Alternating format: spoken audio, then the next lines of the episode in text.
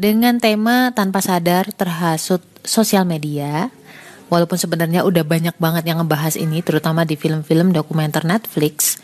Salah satunya adalah The Social Dilemma. Kalian coba cek di sana, semoga ada sedikit pencerahan, oke? Okay? Kalau sekedar dihasut sama racun TikTok atau racun Shopee, itu sih nggak terlalu masalah ya, karena bukan sebuah kejahatan.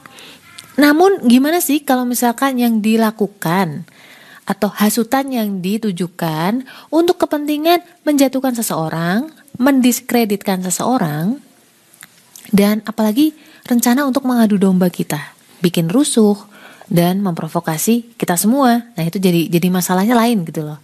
Hal ini gak bisa dianggap sepele ya Karena makin lama tuh makin banyak aja hal seperti itu Dan udah makin membiasa Khawatirnya kita semua nih para pendengar kalian nih. Itu polos banget. Jadi ikut ke bawah gitu aja.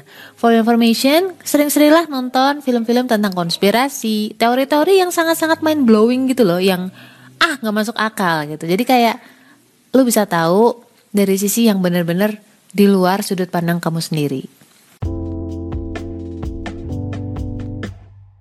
Assalamualaikum warahmatullahi wabarakatuh. Hai, ini Ria. Kamu lagi ada di podcast Self Healing, podcastmu yang sedang belajar berdamai dengan luka melalui psikologi Islam. Pengen naklukin diri sendiri atau pengen naklukin hati golongan darah B, wajib banget baca jangan deketin golongan darah B sebelum miliki buku Beauty in Abyss ini. Tenang aja, karena bahasanya tuh bukan yang ilmiah-ilmiah banget. Ada cerita, ada narasi, tapi nggak sepanjang novel-novel drama atau sastra.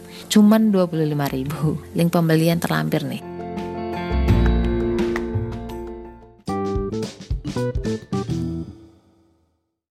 Aku terus terang nggak sengaja melihat channel YouTube Suara Inspirasi. Kamu bisa cek di sana. Semoga belum dirubah ya channelnya dan juga belum di take down sama YouTube kayak enggak sih?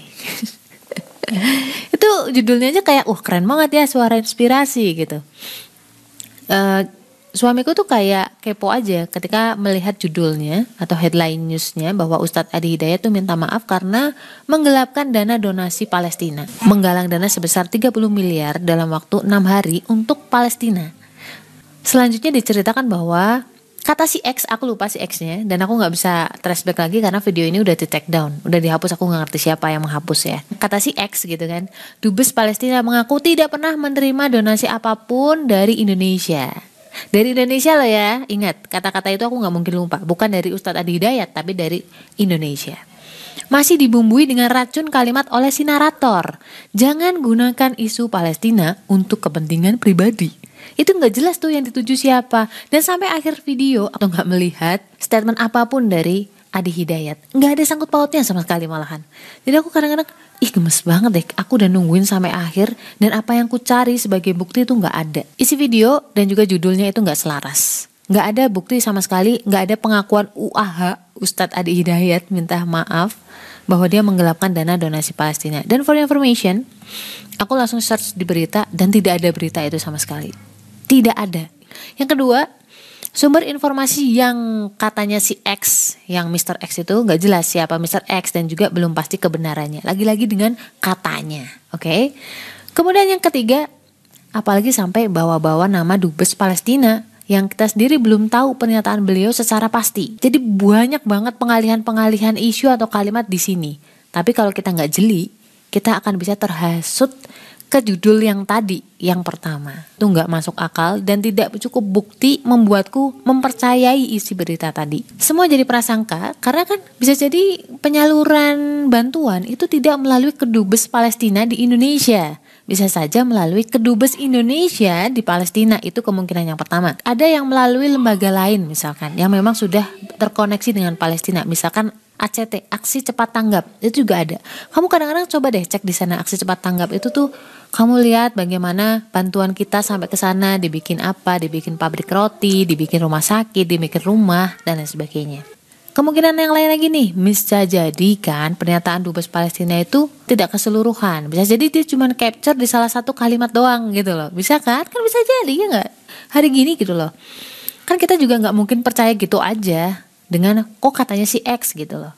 Cuman yang aku pahami di sini bahwa si konten kreator ini itu tidak melandaskan referensi referensi dan sumber yang jelas.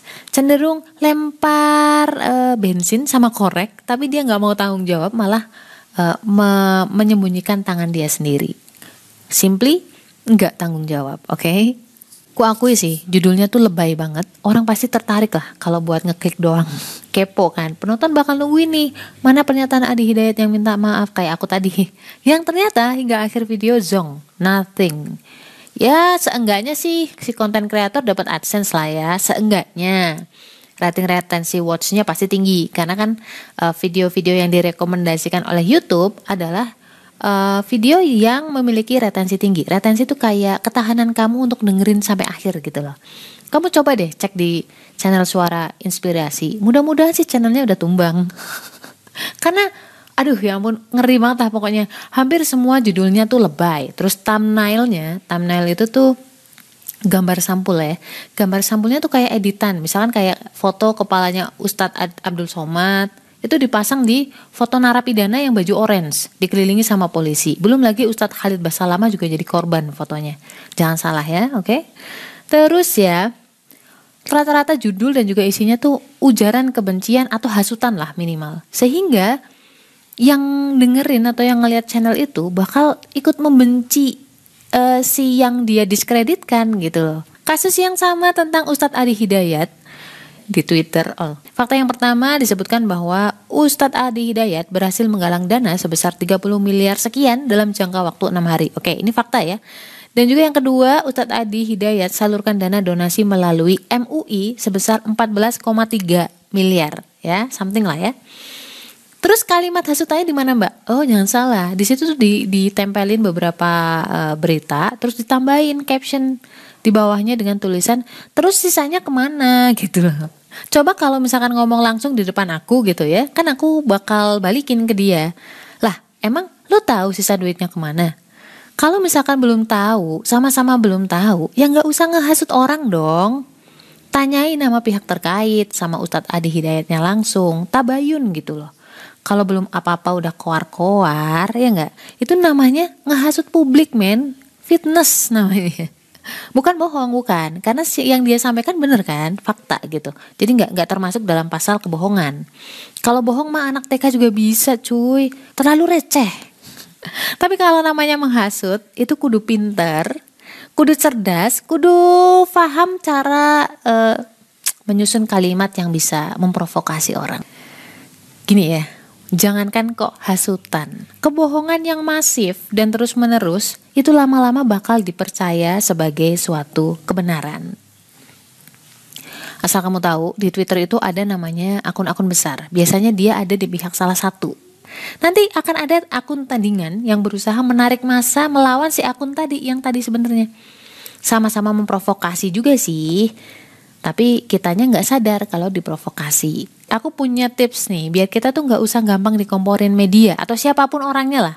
Karena zaman sekarang tuh udah common banget bisnis ngehasut orang. Kalau ngehasut masa demo itu udah biasa dan terlalu uh, terlalu apa ya frontal terus terlalu banyak biayanya. Tapi kalau misalnya ngehasut orang kita punya sosmed gratis, Bo, ya nggak? Jadi yang pertama yang harus kamu perhatiin adalah bukti cari dulu buktinya ada atau enggak ya. Terus kemudian kemudian yang kedua, landasannya. Ada nggak sumber referensi yang jelas? Jangan cuma katanya si X, katanya si Anu, kayak gitu-gitu.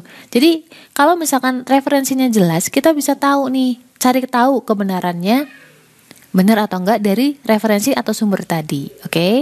Yang ketiga, cari second opinion. Jadi ketika kita uh, ada berita, kita coba cek dari pihak yang lain atau sumber yang lain, bahkan kalau bisa dari pihak lawannya.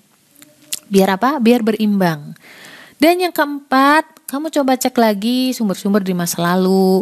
Apakah memang uh, masuk akal nggak? Kan kayak misalkan Ustadz Adi Hidayat ya, kalau dicek dari lalu-lalu lalu-lalu track recordnya, ini berita kan nggak masuk akal gitu loh. Jadi gunakan akal sama hati kita juga. Nomor 6, tahan diri, jangan keburu emosi, jangan menentukan sikap apa pun. Sabar sampai kebenaran terungkap sejelas-jelasnya. Oke? Okay? Kenapa sih aku concern banget uh, tentang ini? Gini, selain ini bahaya eksternal, ini juga bakal bahaya buat diri lo sendiri. Ketika kamu membenci seseorang, hormon stres kamu tuh naik, gula darah jadi tinggi, imun jadi turun, virus atau kuman bakteri yang ada di tubuh kamu jadi aktif yang sebelumnya adalah dorman karena imun tubuh kamu kan kuat tuh, makanya mereka cuma dorman. Tapi ketika imun tubuh kamu turun, bakteri itu akan aktif dan bisa menyerang sel-sel kamu. Jadi tenang dan berdoa selalu agar Allah kuatkan dan ditunjukkan nih yang benar adalah benar dan juga yang salah adalah salah. Stay love and assalamualaikum warahmatullahi wabarakatuh.